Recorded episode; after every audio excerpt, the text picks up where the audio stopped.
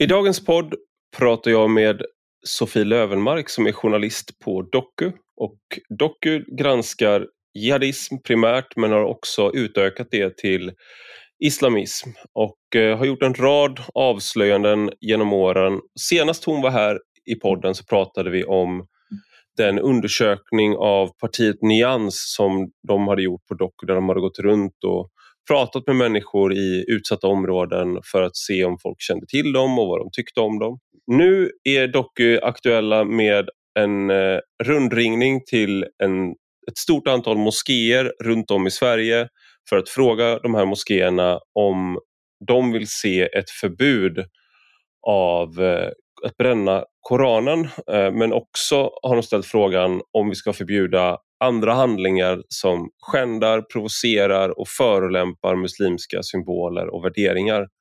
Och av de 32 moskéer som svarade så var det 31 som svarade på frågorna, en avböjde. Och 30 av 32 tillfrågade svenska moskéer vill förbjuda brännandet av Koranen och de vill också förbjuda de övriga handlingarna som då kan vara Eh, uppfattas som kränkande av muslimer. Det här är det vi pratar om framförallt i podden. Sen pratar vi också om hanteringen av hela den här krisen och om hur svenska muslimer diskuterar de här frågorna på interna forum där Sofie Lövenmark är med. Men nu till dagens gäst. Du lyssnar på Rak Höger med mig, Ivar Arpi.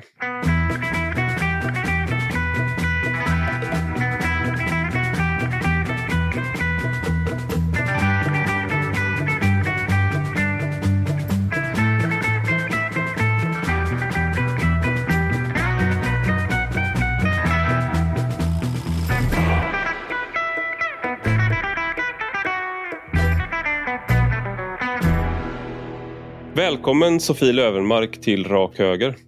Tack så mycket. Eller välkommen tillbaka. Du var en av uh, mina första gäster i den här podden faktiskt. Jag tror du var gäst nummer två för ah. ja, det är två år sedan ungefär. Ah, var jag det? Se där. Ja, mm. och det handlade om liknande saker som vi ska prata om idag. Men du är ju på tankesmedjan Doku och eh, ni bevakar islamism, jihadism i Sverige framför allt och har gjort en rad uppmärksammade granskningar. Och Det var också det första du gjorde så att säga när du eh, typ lanserade dig själv som eh, journalist. Det var att du gjorde en väldigt, väldigt uppmärksammad granskning på Smedjan som Timbro eh, driver när det och det, jag kommer ihåg det är fem, sex år sedan. Och sånt där. Då granskade du liksom vad pengarna går till och vad säger... Eh, ja, just det. Eh, mm. 2017 har jag för mig att det var. Eh, jag granskade mm. Myndigheten för ungdoms och civilsamhällesfrågor. Eh, mm. Och precis var deras bidragspengar hamnar någonstans. Och det fick ju jättestora följdverkningar och det var en av de här händelserna, din granskning var en av de här sakerna som gjorde att, så att säga, det flyttade mittfåran i vad man kan säga om... Alltså, eh, för det, det är sådär, finns en politisk konsensus hela tiden som är, inte är oberoende av vad som faktiskt stämmer men liksom vad folk anser är rimligt att säga. Och att då säga innan du hade gjort den där granskningen att ja, men, det går ju massa pengar till eh, organisationer som motverkar de mål som, de är, som är kravet eller kriteriet för att de ska få de pengarna. Då, tror jag, då, då var det så här, ja, var det där, det där är typisk propaganda eller så där. Men när du hade gått igenom det sen så var det en, sånt som man kunde höra centerpartister och liberaler och social, alltså man kunde höra vem som helst säga de där sakerna. Och nu, ja, det var en lång eh, monolog om vad du har sagt fast jag har dig här precis framför mig så du kan prata själv. Jag har precis fått kritik för att jag avbröt Lina Stenberg i en debatt i eh, Morgonstudion. Jag pratade en hel minut längre än henne och det här är en eh, stor snackis i, på feminist sociala medier, så på Instagram och sånt. Jag blev ja. pingad in. Se där. Mm. Pinsamt arpi, skamligt arpi. Så nu har jag redan tagit 95 procent av taltiden i podden här. Eh, kanske jag se... avbryter dig här emellanåt för att få lite terrorbalans. Exakt, plus att det är du som ska bli intervjuad. Jag har inte bjudit in dig för att bevittna min briljans här och hålla en monolog. Du kan bara sitta och applådera hela tiden istället. Utan det du har gjort ihop, eh, ni tillsammans på Doku, ni har gjort en eh, eh väldigt eh, vet du, eh, ja, passande i, i den här tiden eh, rundringning bland moskéer för att fråga dem om hur de ser på eh, bränning av Koranen. Och ni har också frågat om man ska förbjuda andra handlingar som skändar, provocerar eller förolämpar muslimska symboler och värderingar. Ehm, och ni ringde till 32 moskéer um, och 31 moskéer svarade. Vad svarade de? Ja, eh, det var jag och min kollega Lars Jonsson då som gjorde det här. Jag kan bara säga bakgrunden lite kort. Eh, det har ju varit en, en stor, eller pågår en stor debatt eh, just nu eh, om koranbränningarna och eh, en hel del muslimska företrädare har ju intervjuats i olika tidningar. Ehm, jag har nog själv saknat lite att de här frågorna, alltså de riktiga frågorna har inte ställts. Eh, så vi satt och lurade lite och så tänkte vi, vi frågar så många moskéer vi helt enkelt kan komma i kontakt med. Eh, så, och jag vill understryka att vi valde inga moskéer och vi valde heller inte bort några moskéer utan vi kontaktade alla moskéer som vi till att börja med hittade. Det är moskéer mm. över hela Sverige som är med i undersökningen. Eh, men också då moskéer där vi hittade, som vi hittade fungerande kontaktuppgifter till. Och där vi sedan fick tag på någon ansvarig. Och då återstod det då 31, eller 32, för en moské avstod från att delta. Eh, och sedan mm. var det ett par, par till där, där den ansvarige imamen eller ordföranden var på semester så de kunde inte ge svar men vi bad dem att få återkomma i efterhand. Jag kan mm. också lägga till att efter att eh, undersökningen har publicerats så har fler moskéer som vi kontaktade men som vi inte fick tag på då eh, hört mm. av sig och lämnat sina svar också. Eh, så okay. idag är det faktiskt fler och de som har liksom kommit in i efterhand de har också svarat ja på bägge frågor. Okej, okay, så det var, ni har kontaktat ännu fler än de som har svarat och en del har trillat in i efterhand men det är svårt att säga kanske då hur representativa eh, de här moskéerna är. Rent vetenskapligt så ska man ju då ha eh, vissa metoder för att ta reda på det. Eh, å andra sidan så är det en väldigt stor samstämmighet i eh, de svar ni har fått vilket ju antyder att det är ganska, ganska representativt. Att det är en, sådär. men de, av de här då 31 eh, som har svarat, mm. hur många av dem tycker att det ska vara förbjudet att bränna Koranen? Så det var ju 30 moskéer som svarade ja till att man vill se ett mm. förbud mm. mot att bränna Koranen och andra religiösa skrifter ska jag lägga till. För att majoriteten mm. uttryckte själva att det inte bara gäller Koranen utan även Bibeln och Toran. Eh, och samma 30 då ville ju även se ett förbud mot andra kränkningar utav religionen. Mm. Och personligen, som svar till det du sa innan, så tror ju jag att den här är väldigt representativ för vad moskéerna i Sverige faktiskt tycker. Dels för att mm. vi har pratat med både shia och sunni, vi har pratat med de stora moskéerna i storstäderna, vi har pratat med, eh, med mindre moskéer ja, från, från norr till söder så att säga.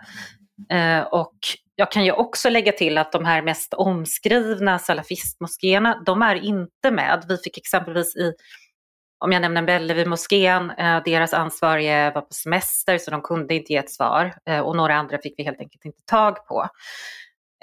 Så de finns liksom inte med i underlaget. Mm.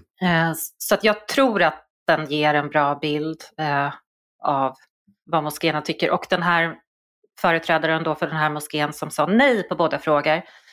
Eh, det var en väldigt intressant person för övrigt. Vi pratade rätt länge och han hade massa intressanta resonemang.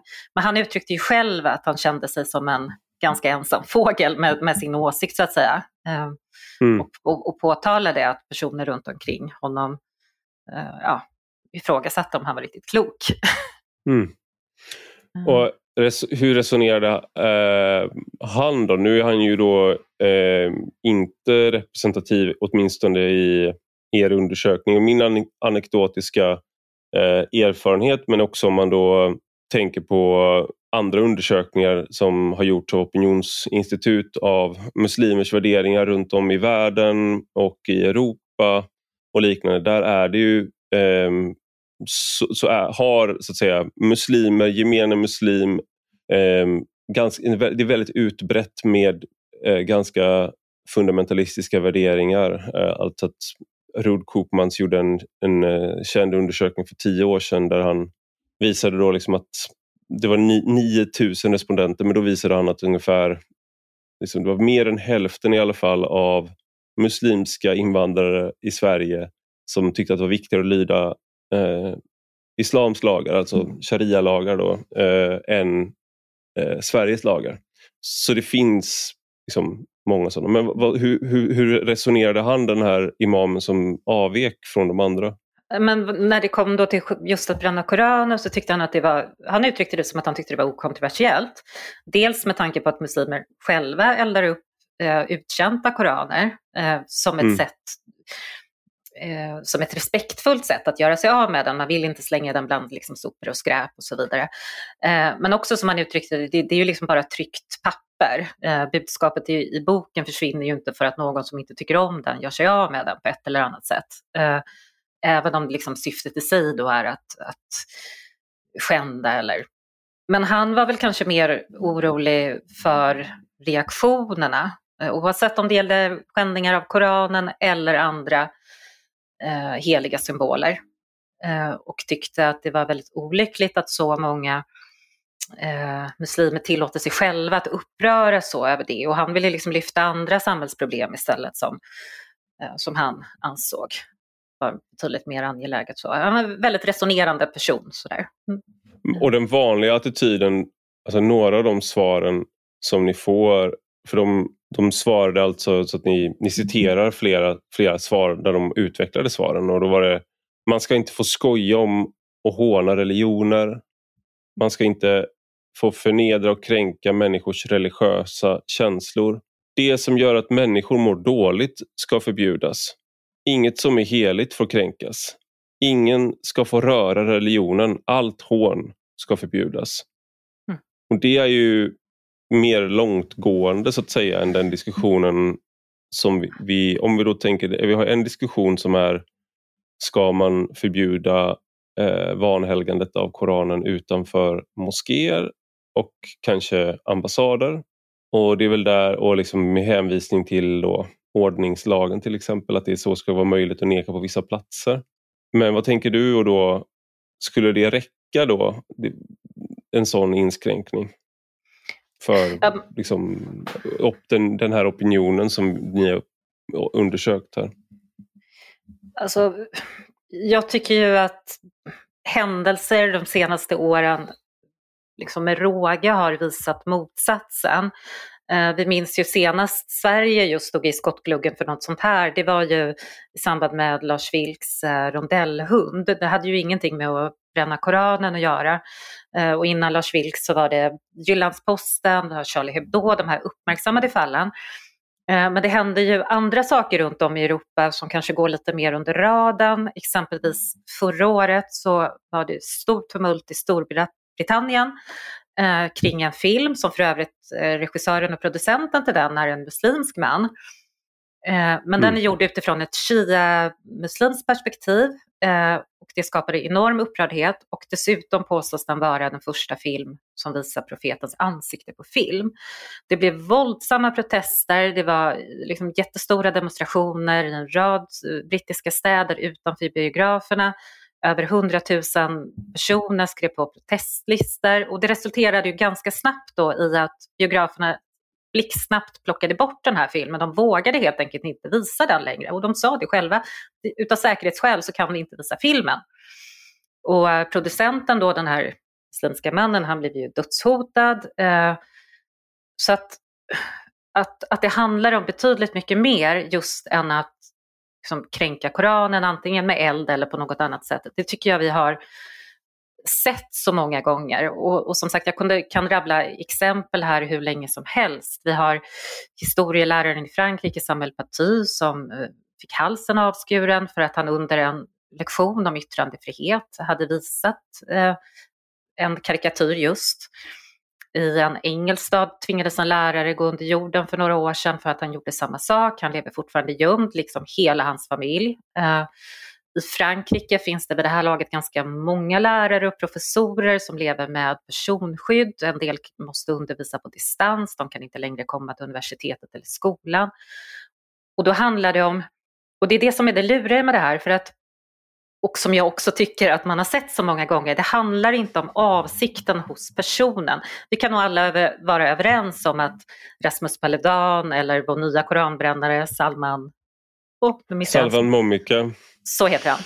Eh, att deras syfte kan någonstans... kan jag försöka avstå eh, rasistiska härskartekniker i min podd så vore jag tacksam. Så jag vill uttala utländska namn korrekt, Sofie. Så jag, är jag ber om ursäkt. Jag ber om ursäkt. Mm. Tack.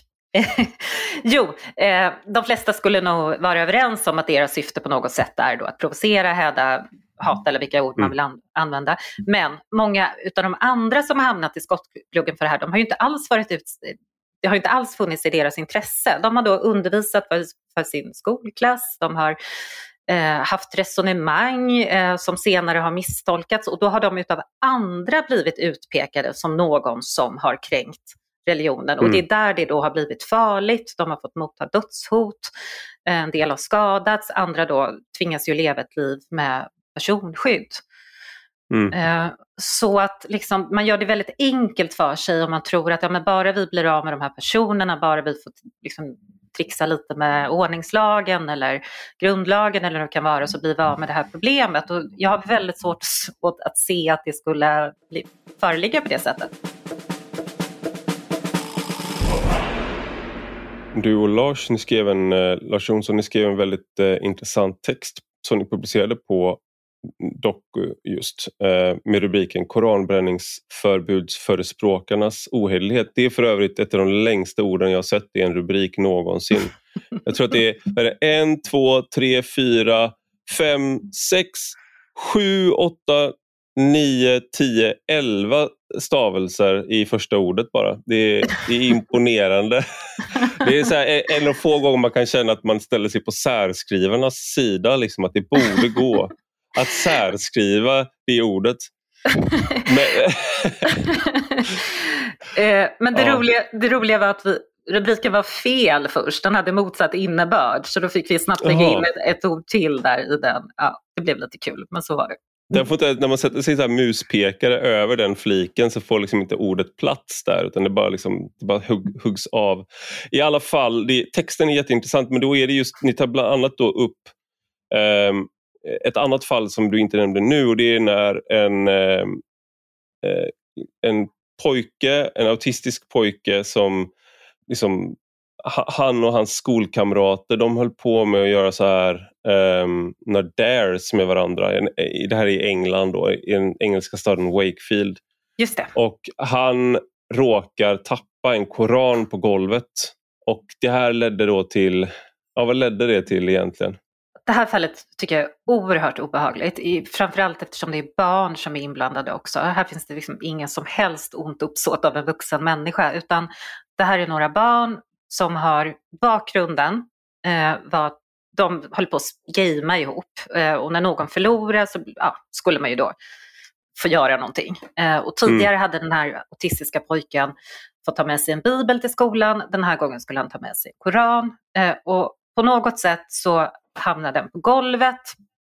I vår text är det just den här ursprungliga koranen som finns med på bild, så man ser att den, den är tämligen oskadd. Det finns en liten, liten reva mm. på den någonstans.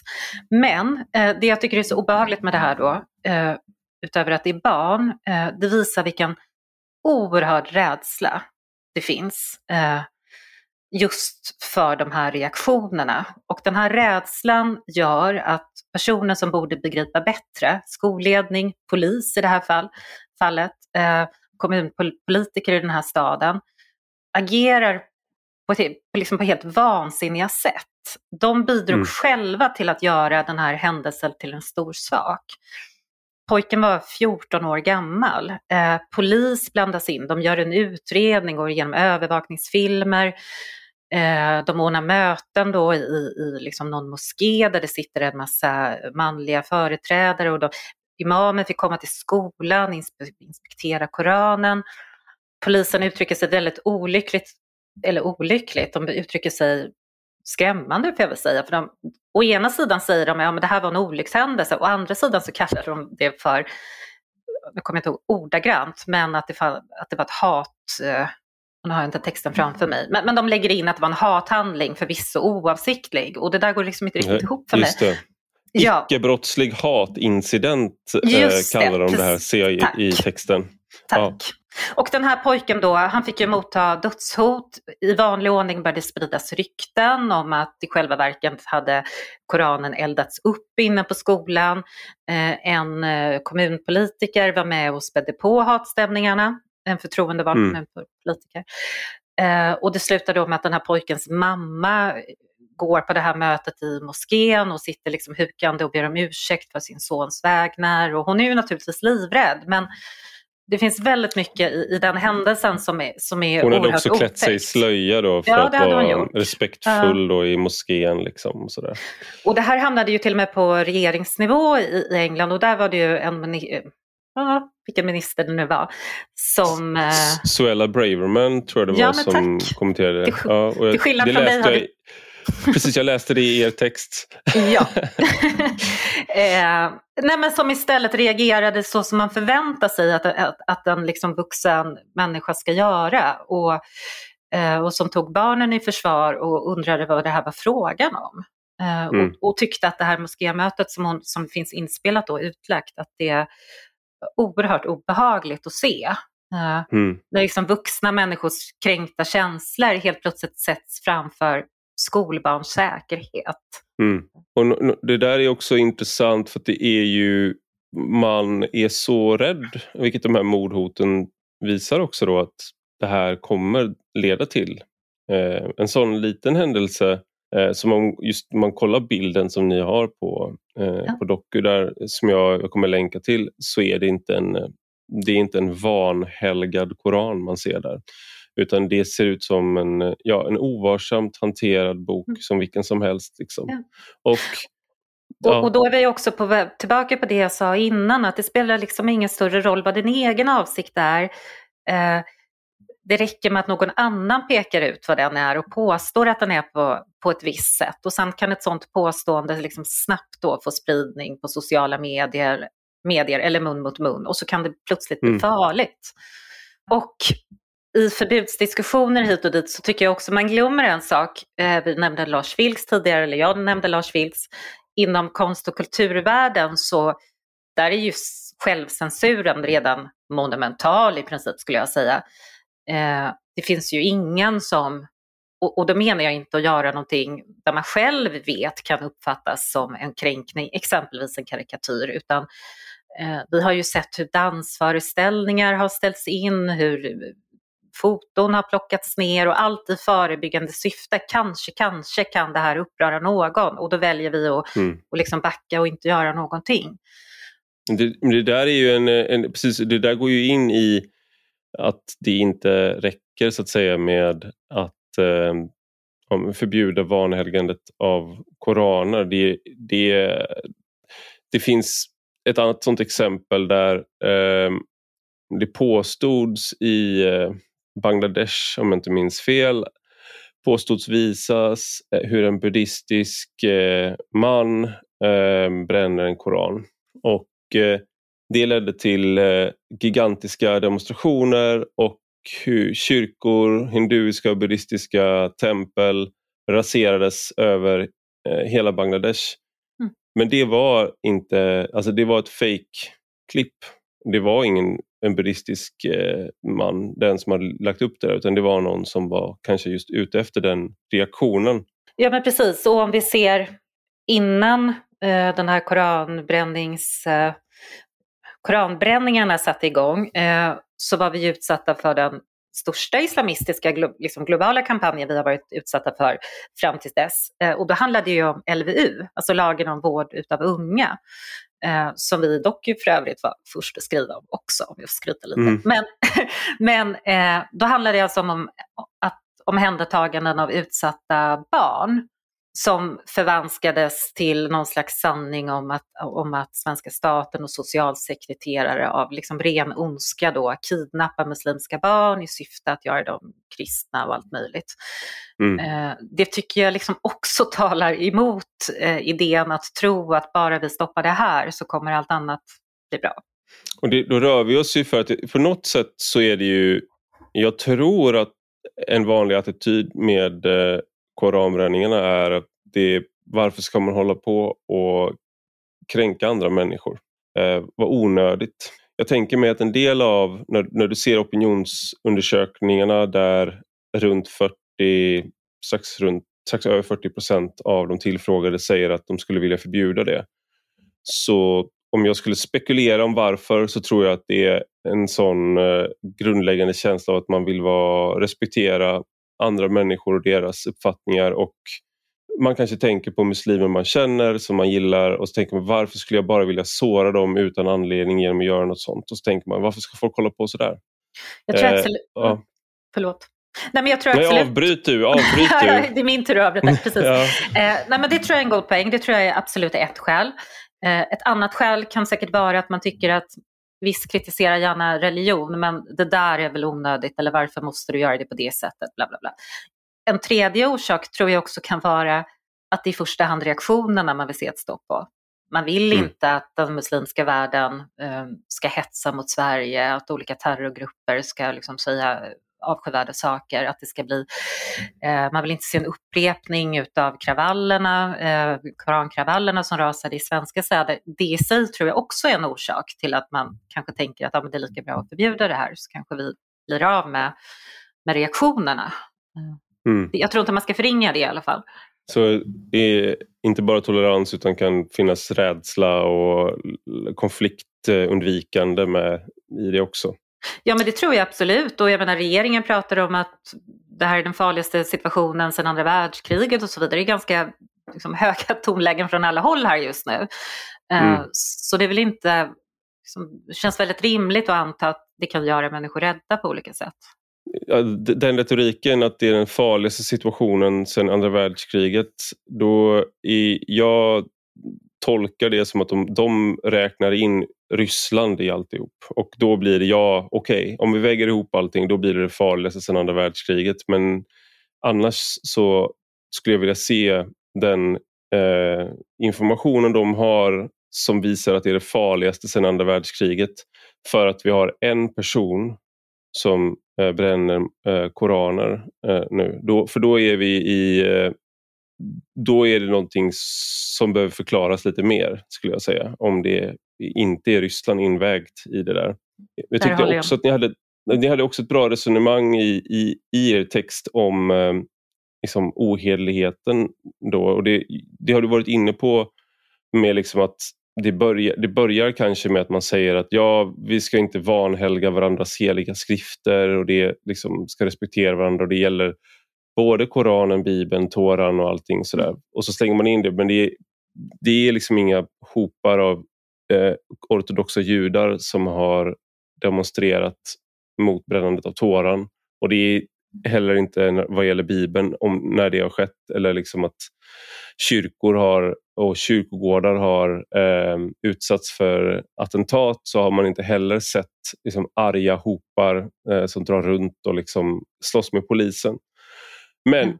i alla fall, och då vis, som du är inne på, det, det, är mycket annat som går in där som Samuel Parti som eh, un, blev, på grund av ryktesspridning blev, eh, fick halsen avskuren. Men det, sen tar han upp ett andra skäl också till den här oredligheten eller eh, en annan punkt där och då att de som förespråkar förbud mot koranbränningar inte beakta vad kritiken mot Koranen och islam handlar om, alltså vad kritiken handlar om. Vad menar ni med det? Ja, det kan ju naturligtvis och är naturligtvis olika från pers person till person, men så här, Koranen är trots allt mer eh, än en bok av ja, men religiösa, andliga idéer. Det finns ju också en lagbok där i, eh, i allra högsta grad och som i allra högsta grad praktiseras i mångt och mycket. Och jag tycker man gör det väldigt enkelt för sig om man, in, om man inte anser, som en del debattörer gör, att, att man ska kunna få ta avstånd ifrån det, om man nu vill det, på mm. exempelvis genom att bränna den då. Jag skulle själv inte bränna eh, någon bok, men jag har sett en del som har liksom trasslat in i, i märkliga resonemang om att ja, men jag tycker att iranska kvinnor har rätt att, att bränna Koranen utanför Irans ambassad eftersom det är en handling mot kvinnoförtrycket där. Men däremot skulle man liksom, samma iranska kvinna inte få lov att göra det utanför en moské. Exempelvis mm. eh, den stora shia-moskén i Järfälla. Men eh, det, det, blir väldigt eh, eh alltså alla som försöker lirka sig in i sådana där resonemang, det blir väldigt, väldigt svårt eh, och mm. otydligt framförallt. Ja, men det, det, finns ju, det finns ju mycket i, så att säga, att diskutera i, i Koranen som man som kommer att uppfattas som att man, om man är muslim, i alla fall att mm. man ställer sig kanske utanför mainstream-tolkningen på ett sätt som får andra muslimer att säga att du är ingen riktig muslim. Mm, eh, det kan till exempel handla om att man tycker att kvinnor ska kunna vara imamer, till exempel mm. en sån sak som är en, verkligen en minoritetsuppfattning men det finns mm. muslimer i, som, i alla fall inom västvärlden som har en sån tolkning. Man kan tolka olika delar av Koranen på olika sätt eh, men, men om du så att säga säger att den här, den här delen av Koranen tycker jag är ehm, eh, väldigt problematisk eller liksom den här bör vara någonting som, som, som jag tycker då jag tycker vore bättre om man inte trodde på Koranen alls. Mm. Det kommer att vara kränkande för då till exempel de ni frågade i den här undersökningen. Absolut. Och, och, för att komplicera det ytterligare då för de som vill göra den här frågan lätt så skulle jag säga att det är både svårare men framförallt farligare för en muslim att ta den diskussionen eh, om hur man vill tolka eh, vissa delar av Koranen eller hadithier. Eh, och jag som är med i mängder av olika diskussions, muslimska diskussionsgrupper, men mellanåt så kommer det ju en avvikande röst. Eh, mm det motståndet som den personen direkt möter, som du själv sa, först är du anklagad som att du är inte riktigt muslim, du är hej och hå och sådär. Och sen kan det också snabbt bli hotfullt så att, att många avstår mm. från att ta den. Det har jag ju naturligtvis inga problem att förstå, men med det sagt så betyder ju inte det att de personerna inte finns. Eh, eh, mm. Och det tycker jag att politiker och andra någonstans åtminstone bör vara medvetna om. Sen är det ju dessutom så att det är ju svårt eh, i Sverige, eh, i Europa men också i, i framförallt den muslimska världen, men även här, är det ju svårt för den som har lämnat islam, till att börja med kanske ens att kunna visa det för sin egen släkt och familj, sin omgivning, men i synnerhet då att tala öppet om det. Eh, mm. Det i sig kan också vara farligt. Eh, så om man kokar ner väldigt mycket här så gör man det väldigt, väldigt, väldigt enkelt för sig om att man tror att allt handlar om att elda en koran eller inte. För om det vore så enkelt eh, så tror jag att fler eh, skulle kunna tänka sig att ja, ja, då struntar vi i det, då får man inte göra det längre.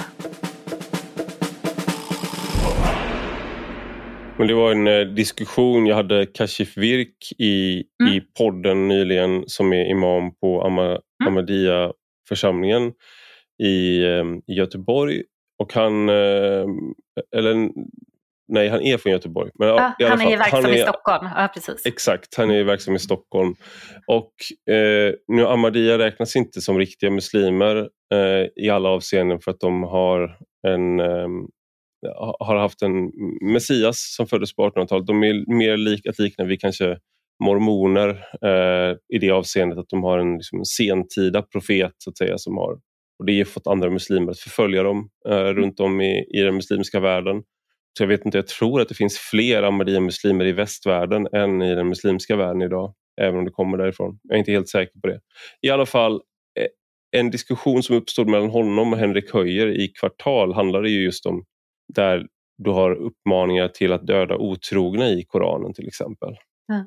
Och hade det inte varit så mycket känslighet kring Koranen så kan jag tänka mig att liksom Expo, en, en sån organisation, hade granskat det innehållet. Så här, är det här uppmaningen, är det här hets mot folkgrupp, det som står i Koranen?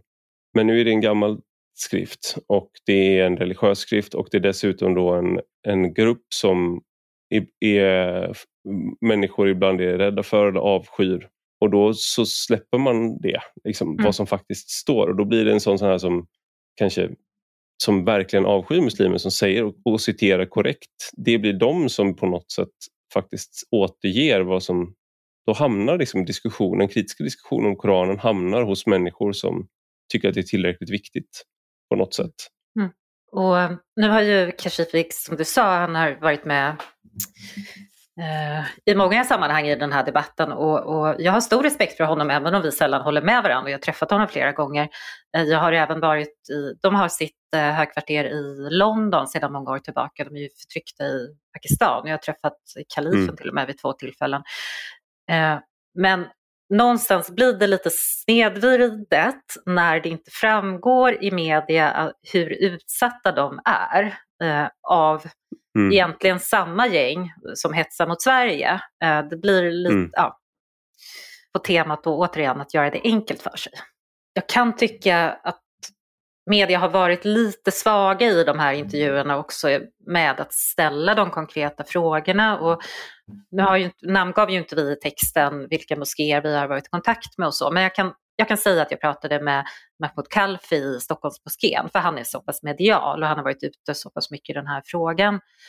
Men när jag läser liksom långa intervjuer med honom så får jag liksom läsa mig fram mellan raderna vad jag tror att han anser i frågan. Och Eh, mm. Centerns partiledare var ju i Stockholmsmoskén och pratade med honom för ett par dagar sedan tror jag. Och partiledaren blev sedan intervjuad i DN. Och då berättade han att ja, men han hade pratat då med imamen och han vill absolut inte ha någon hädelselagstiftning utan han vill bara liksom, prata om sina känslor och sådär. Det här var mm. partiledarens ord och inte imamens. Men när jag talade med honom så var han ju glasklar med att han ville mm. att bägge två skulle förbjudas. Eh, och hade inga mm. som helst problem att svara på den frågan, tvärtom. Ja, det var ett uns av lite kritik mot. Men det finns ju en sån här, en, eh, för det finns ju en, eh, en, en diskussion om islamofobi som, som, som hela tiden är här. Och det blir, det, det blir liksom som att, ja ja, du tycker att eh, det är fel att eh, ha ett förbud mot eh, brännandet av eller vanhelgandet av religiösa skrifter. Men det är ju för att du är islamofob så att säga. Det är mm. en argumentationslinje. Och mm. jag har svårt att se hur man kan eh, liksom upprätthålla en eh, stringent linje eh, mot hädelseförbud utan att någon gång bli anklagad för att vara islamofob för att det är där konflikten finns. Men liksom hur... hur jag tror hur, att det är hur, ja. svårt att ta någon diskussion som ens närmar sig religionen eller göra någonting annat, reportage eller så vidare, utan att någon gång få den anklagelsen. Uh, mm. Senast jag blev anklagad för, det, anklagad för det som jag kommer ihåg uh, var av en, ska jag kalla honom, men det är en shia-muslimsk influencer kan jag väl säga. Eh, mm. som reagerade väldigt starkt mot en text som jag hade skrivit i Expressen. Eh, utgångspunkten var ja, men, upproren som hade börjat i Iran då, eh, kvinnor som protesterar mot slöjförbud och så vidare. Men det han reagerade på min text var att jag skrev att slöjan inte är obligatorisk. Det tyckte han var mm. islamofobiskt och skrev liksom en massa då på sociala medier och hon är islamofob och så. Mm. Så att återigen, man är tillbaka på det där. Det behöver inte vara att man... Jag hade själv inte kunnat föreställa mig att någon skulle reagera just på den skrivningen. Eh, mm. Nej, det där är, det är lite sådär, där, att, att det verkligen är om du ger dig in i det här området så kommer du trampa fel det är lite åt det hållet. Om du ska ha en kritisk diskussion. Jag tänker också på de som har försökt alltså, forska om islam. Alltså trampa liksom fel fått, vet jag ju inte om jag skulle säga, men du kommer bli anklagad för, för att visst, det är väl möjligt att man trampar fel, man är ju inte mer än människa heller, så det är väl fullt naturligt att göra det någon gång. Men oavsett om man gör det eller inte så kommer man att få den stämpeln på sig förr eller senare mm. eller någon gång ibland. Ja. Ja, jag menade egentligen mm. att det enligt det, det sitter folk och är på helspänn och väntar på att de ska kunna hugga på något sätt. Ja, absolut. Eh, på, min, min, på liksom att de, någonting de uppfattar som ett, ett felsteg eller en feltolkning eller liknande. Och det där, det där kan, kan drabba eh, drabbar ju muslimer i väldigt stor utsträckning själva som du, som du var inne på i de här forumen. Det, det är för övrigt en, en diskussion som är också ganska frånvarande. Är, det är det som är intressant med den här undersökningen som vi började med. och så där. Det, vad, Hur diskuterar muslimer med varandra om i, i såna här, när, när sånt här händer? För att det är som en... Eh, man, många känner muslimer och, och sådär men det finns ju såklart de här forumen som du är aktiv på till exempel. Mm. Där finns först vissa diskussioner som kanske inte syns på journalist-Twitter till exempel. Eh, så hur, hur, pratar liksom gemene, gemene svensk muslim i de här frågorna? Och, och så, hur, hur går snacket så att säga? Alltså bland de som är aktiva i grupperna, vilket ju är naturligtvis i antal ganska så många, för det finns en uppsjö av sådana här grupper för allt. Liksom allt ifrån ja, men systergrupper där kvinnor pratar om olika saker till eh, äktenskapsförmedlingsgrupper till eh, ja, men för att söka arbeten, bla bla, liksom som en mm. hel community för eh, muslimer och olika frågor då kopplat till det. Men i många av de grupperna så är, är hord, eh, tonen ganska hård. Eh, och jag skulle säga att det gäller framförallt då i, i värderingsfrågor. Eh, det finns en det finns en väldigt stark rädsla mot eh, vad som lärs ut i förskolor och skolor, kanske i första hand när det gäller sexualitet och homosexualitet. Eh, eh, det finns ja, men egentligen allt som har med värderingsfrågorna att göra. Och det finns också väldigt många i de här grupperna liksom självutnämnda urtolkare då utav religionen som är väldigt snabba med att tillrättavisa andra. Mm som då, det behöver ju inte vara att man har liksom en uttalad motsatt åsikt utan bara att man lite snällt har tolkat någonting och då är någon eller många snabbt där och tillrättavisar. Uh, och alltså, genom att vara inne i alla de här så får man, tycker jag, någon slags inblick i hur hur det finns liksom starka krafter, oavsett vilka de är. Det kan ju vara enskilda privatpersoner som sitter på sitt, sitt vardagsrum i, i Gnosjö. Liksom. Det behöver inte vara någon mm. salafistmoské någonstans. Men som är väldigt upptagna med att få framförallt unga muslimer i Sverige att bli betydligt mer religiösa och att hela tiden tolka sin, sin tro striktare. Eh, och det finns liksom en besatthet vid olika levnadsregler och, eh, och där man är väldigt snabb då på att peka mot andra muslimer som man tycker som på ett eller annat sätt inte lever upp till, eh, till de krav som mm. ställs. Eh, och det kan ju handla om allt från att ta studielån, det får du inte göra, till att eh, arbeta på en eh, restaurang som också serverar fläskkött. Eller, liksom, det är stort mm. som smått som kommer upp som stora diskussionsfrågor så hela tiden. Eh, och, och som du sa ja. där, förlåt, eh, tyvärr är journalistiken som helhet, eh, så generellt är väldigt dåliga, det är liksom inte, inte bara på att vara inne i de här grupperna, men överhuvudtaget bevaka det som skrivs på andra språk. Arabiska exempelvis, mm. det är Sveriges andra största språk idag det är nästan inga journalister som följer vad som skrivs på, på arabiska, svenska sociala medier. Det finns ett fåtal, mm. eh, men de är få. Eh, mm. Medan det har varit en enorm bevakning de senaste åren på, ja, men på vad sådana som du skriver på ditt Twitter, eh, exempelvis. Mm. Ja, vilket ju är såklart befogat eftersom jag är otroligt viktig. Men, eh, nej, men det där är den där liksom att vi har vi är ett land med väldigt många språk eh, mm. och väldigt människor från väldigt många länder. Men inom journalistbranschen så är det väldigt eh, ensidigt rekryterat på många sätt och då menar jag inte bara att det, människor inte kommer från andra länder utan att man kommer från en viss samhällsklass i regel. Journalistiken brukar inte vara så men nu är det väldigt mycket av en journalister, politiker, akademiker, det är ungefär samma sociala klass med ungefär och det är väldigt många som har eh, liksom etnisk svensk bakgrund och eh, haft det gott, ganska gott ställt när de var barn och sådär. Och eh, språken man talar utöver svenska är ofta liksom, spanska, franska, tyska. Eh, och, och sådär. Portugisiska kanske om man är lite special. Sådär. Men det är sällan man har kunskap i de språken som skulle göra det lättare att bevaka delar av Sverige som farsi, arabiska eh, eh, och, och sådär. Men på så sätt... Ja, absolut.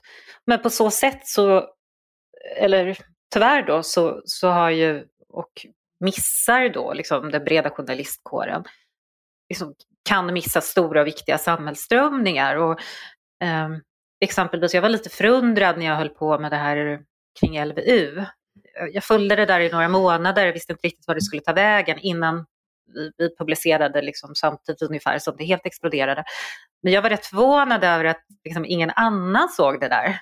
För att ta ett Men exempel. Du talar arabiska eh, själv eller? Nej. Nej. Har ni någon på Doku som gör det? Ja.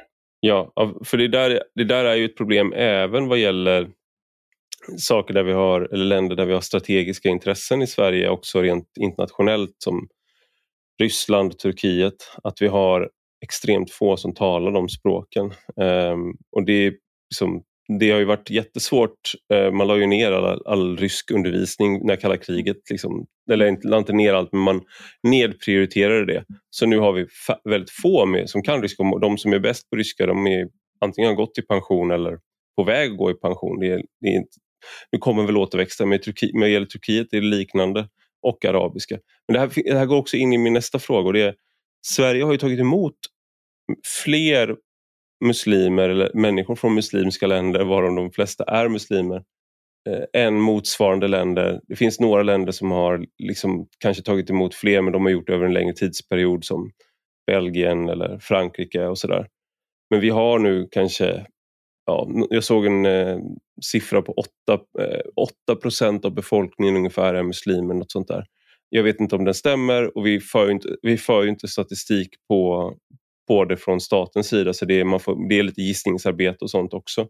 Men hur kan det då vara så att vi är, å ena sidan har vi varit då så att säga världens samvete på, har vi sett som och vi har haft en, har haft en mer generös flyktingpolitik. Vi har eh, Eh, haft en del multikulturalistisk politik där vi stöttar liksom, hemspråksundervisning, man har generösa bidragssystem eh, och man får bygga moskéer, man, man, kan, man kan göra det och man får utöva sin religion här. Men nu då när hela den muslimska världen, regimerna, samlas eh, så att säga, för att fördöma, då är, det, då är det Sverige man fördömer och det blir liksom inga gigantiska protester vad jag kan se från de grupperna från de här länderna som har kommit hit. Så mm. hur går det ihop? Är, är, vi då, är vi helvetet på jorden eller är vi paradiset på jorden? Eller inget av det förmodligen, men vad tänker du? Mm. Nej, det är klart att det kan synas märkligt och jag, man hade ju kunnat önska i alla fall att, att samfunden och moskéerna som, som faktiskt ja, men får stora bidrag från, för sin verksamhet eh, hade kunnat tänka sig att tydligare liksom, ta avstånd mot reaktionerna eh, och försöka lugna stämningen både här och från ursprungsländerna som, som hetsar. Eh, det är tämligen tyst därifrån, tycker jag. Mm. Man kanske i, framförallt har koncentrerat sig då på att eh, ja, få till stånd möten med politiker just för att diskutera hur lagstiftningen skulle kunna förändras och så vidare. Eh, det är mer prioriterat än att eh, än att liksom försöka lugna. Mm. Men hur det går ihop, ja, det vet jag inte. Nej, inte jag heller. Jag tänkte att du skulle berätta det för mig. Du, nu har, du har bevakat jihadism eh, och islamism eh, ganska länge nu. Liksom, och just nu då så säger eh, regeringen att vi befinner oss i eh, det allvarligaste säkerhetsläget för Sverige sedan andra världskriget.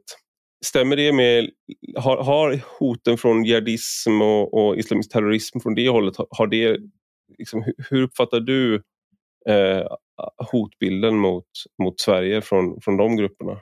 Är den, blir den värre och värre så att säga? Alltså det är klart att det finns ju en, en, en liksom uttalad hets från, från eh, terrorgrupper i Mellanöstern, det har vi ju sett. Eh, eh, och det har det ju skrivits om i all media vid det här laget. Men någon större skillnad liksom, i de svenska miljöerna, som, nej, inte vad man kan se sådär tydligt eller öppet, det tycker jag inte. Eh, mm. Sen liksom vad statsministern baserade det uttalet på, uttalandet på, det, det vet ju inte riktigt jag. Eh, mm. Och om, om jag hade fått önska så hade jag väl tyckt att han, det är ändå oerhört starka ord, eh, att han kanske borde kostat på sig själv och oss andra att, att utveckla det lite. För det är klart man ställer sig lite frågande. Eh, mm. så.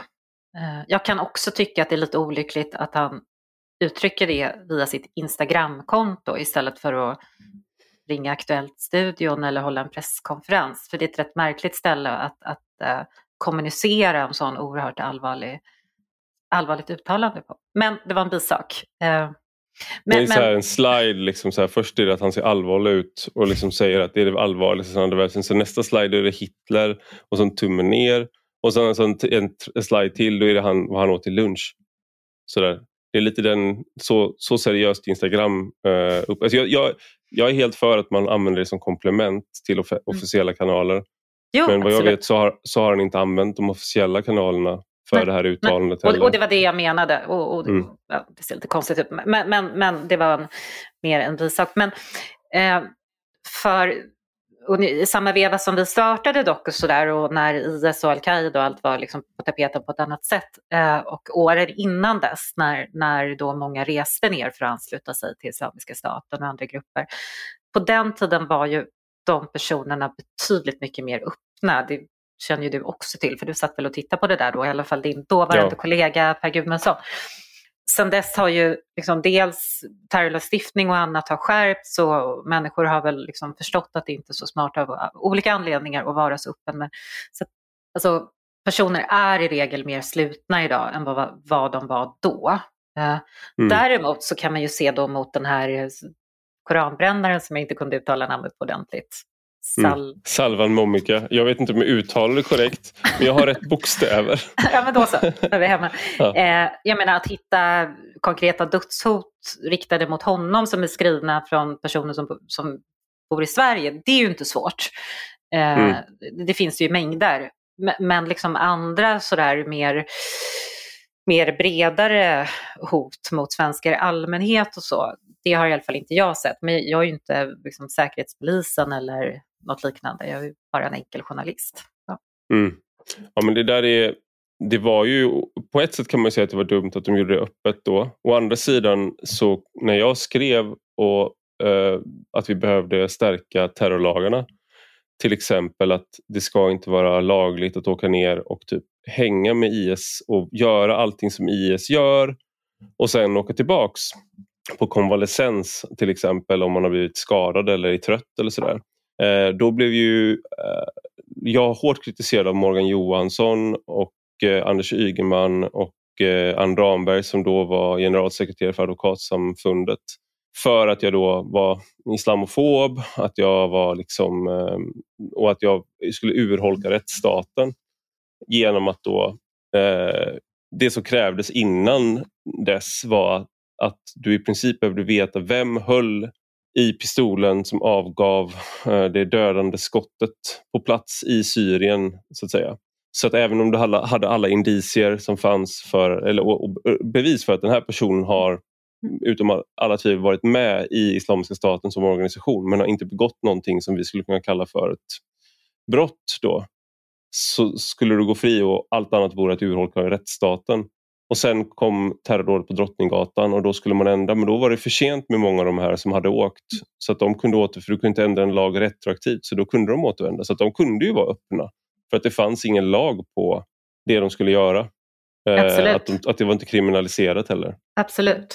Hela den liksom, diskussionen och debatten och journalistiken låg ju hela tiden många år efter. Eh, mm. Jag menar nu för några år sedan när man började hämta hem de här kvinnorna som har suttit i läger, då började man diskutera hur man skulle göra med återvändare och inte göra och så. Men liksom gruppen män som åkte ner för att strida i många fall mm. eller köra ambulans då eller vad de själva uttryckte att de gjorde. De hade ju redan kommit tillbaka för flera år sedan. Eh, mm. Så även där var diskussionen efter. Så. Mm. Och om man eh, liksom, ni startade Doku när eh, IS eh, liksom, ja, de hade rullat in i Irak precis och det var, det var väldigt mycket jihadism islam. Det var också många terrordåd i Europa. Ja. Um, och på, på, många sätt så är debatten annorlunda idag. Att man mm. kan skriva om vissa saker och prata om vissa saker utan att det anses vara kontroversiellt. Å andra sidan ser vi med koranbränningsdebatten att där har det inte hänt kanske så mycket. Men hur, hur, på, hur påverkar eller förändrar situationen er på Doku? Har ni, är ni i samma organisation idag? Vad, vad, hur arbetar ni nu liksom och, och vad, vad, planerar ni framöver och sådär? Ja, men vi håller på att förändras på lite olika sätt ska jag säga. Eh, dels har Magnus Sandelin, eh, journalisten som jag startade Doku tillsammans med, eh, valt att gå vidare och byta karriär. Han vill prova att göra någonting annat i livet. Eh, mm. Vilket är ju jättetråkigt för oss, eh, men förhoppningsvis kul för Magnus. Eh, istället så kliver Lars Jonsson in mer. Han har funnits med i bakgrunden i flera år egentligen och varit med i flera av våra skop. Eh, eh, men han kommer in på heltid och det är jag jätteglad för, för han är en kreativ idéspruta eh, av Guds nåde. mm. Men eh, sen kommer vi också, vi håller på att avveckla stiftelsen, eh, för det är en väldigt svår form att bedriva vår verksamhet i. Eh, du måste hela tiden använda intäkterna, så det går inte att bygga upp någon långsiktighet i det. Eh, mm. Och vi gick ut med det för ett tag sedan då, stängde ner vårt eh, swishnummer eftersom vi stänger stiftelsen. Men mm. från och med denna eller nästa vecka så drivs det som ett bolag istället då. Och då kommer vi, ja men på något, vi har inte riktigt bestämt exakt eh, vilken form vi ska försöka få in eh, liksom medel då. Eh, vi vill mm. inte låsa sajten, vi ser ett stort värde av att hålla den öppen. Eh, mm.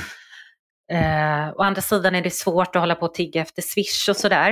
Eh, så vi, vi lurar lite på en lite annorlunda idé om frivilliga donation, donationer och så. Men ja, mm. vi återkommer om det. Och sen till vårt bevakningsområde, som du sa, från början så koncentrerade vi oss i första hand på jihadister och den våldsbejakande islamismen. För att det var det som verkligen var på tapeten de åren. Eh, och det fanns ett tomrum verkligen ja. där. Eh, för vi hade ju liksom, om man då, vi nämnde Expo förut, oavsett, oavsett ja. vad man tycker om dem så granskar de högerextremism eh, väldigt, väldigt mycket. Och och det finns andra som granskar vänsterextremism. Det, det fanns liksom, det fanns ingen, förutom då Per Gudmundsson kanske, som, ja, som fyller en per, liknande roll. Ja, Per har gjort ett alldeles oerhört arbete. Eh, tar varje chans att hylla hans insats. Och hans blogg är fortfarande ett liksom, fantastiskt arkiv, så, just utav, framförallt över Syrienresenärerna. Då. Eh, mm. Syrien, de Syrien. Men därifrån har ju liksom mycket förändrats. Eh, vi ser inte lika många attentat längre i Europa som ju var väldigt plågat under ett par år där av ständiga mm. attentat i större och mindre skala. Däremot liksom de här strömningarna som dels reaktionerna skulle jag säga mot koranbränningarna men även det vi såg under LVU-kampanjen. Alltså en, en mer liksom bredare islamistisk strömning som är demokratiskadlig i förlängningen. Förstår du vad jag för efter om jag säger så? Eh. Ja, men vi har ju som ni, som ni har varit eh, tydliga med i, när, när ni har skrivit om de här frågorna också att å ena sidan har vi då de här jihadistgrupperna som har en tolkning av det vi mm. kallar salafismen, sal, salafi. Jihadism kallas det ibland på engelska. Men det är inte så att de är väsensskilda från andra salafister i hur de tolkar religion. Det bara i, snarare så har deras, det finns kritik från salafister mot jihadister. Att, de, liksom att ni har fel metod eh, för mm. vad ni gör. Och Jag vet att det, det har hänt Per, just Per Gudmundsson, han berättade om att liksom, han var på ICA så kom det fram en, en man och bara så här, som var klädd i salafistisk traditionell klädsel. Han kände igen liksom, att det här är en salafist. Liksom. Eh, och eh, vad är det du som är Per Gudmundsson? Och han bara, ah, okej okay, nu. Liksom. Så han blev lite så här, ah, ja det är jag. Så här. Jag vill bara tacka dig för ditt arbete mot jihadismen. Så där. Jag gör mitt vad jag kan. Liksom, från, Så och han, och det, han gjorde det från ett salafistiskt håll. Mm, Men ja, de här värderingarna och eh, Muslimska brödraskapet är inte vad jag vet några terrorister. Eh, liksom, det, kan, det kan väl folk diskutera ibland kanske, någon, men det, det det handlar om där är en utmaning mot värderingar och eh, liksom, vad är det de gör, gör de det de säger utåt, säger de någonting annat inåt. Det finns ju ett stort arbete att göra där som kanske inte direkt handlar om terrordåd. Nej men precis, men som handlar om, om väldigt många andra frågor som är viktiga för oss i vårt demokratiska samhälle och, och där det finns då tydliga värderingsskillnader och från en del håll starka krafter eh, som vill eh, ska säga, det finns också starka krafter som liksom vill bygga upp något slags parallellt islamiskt samhälle. Eh, Mm. Där man har sina egna skolor, sina egna förskolor, sina egna institutioner.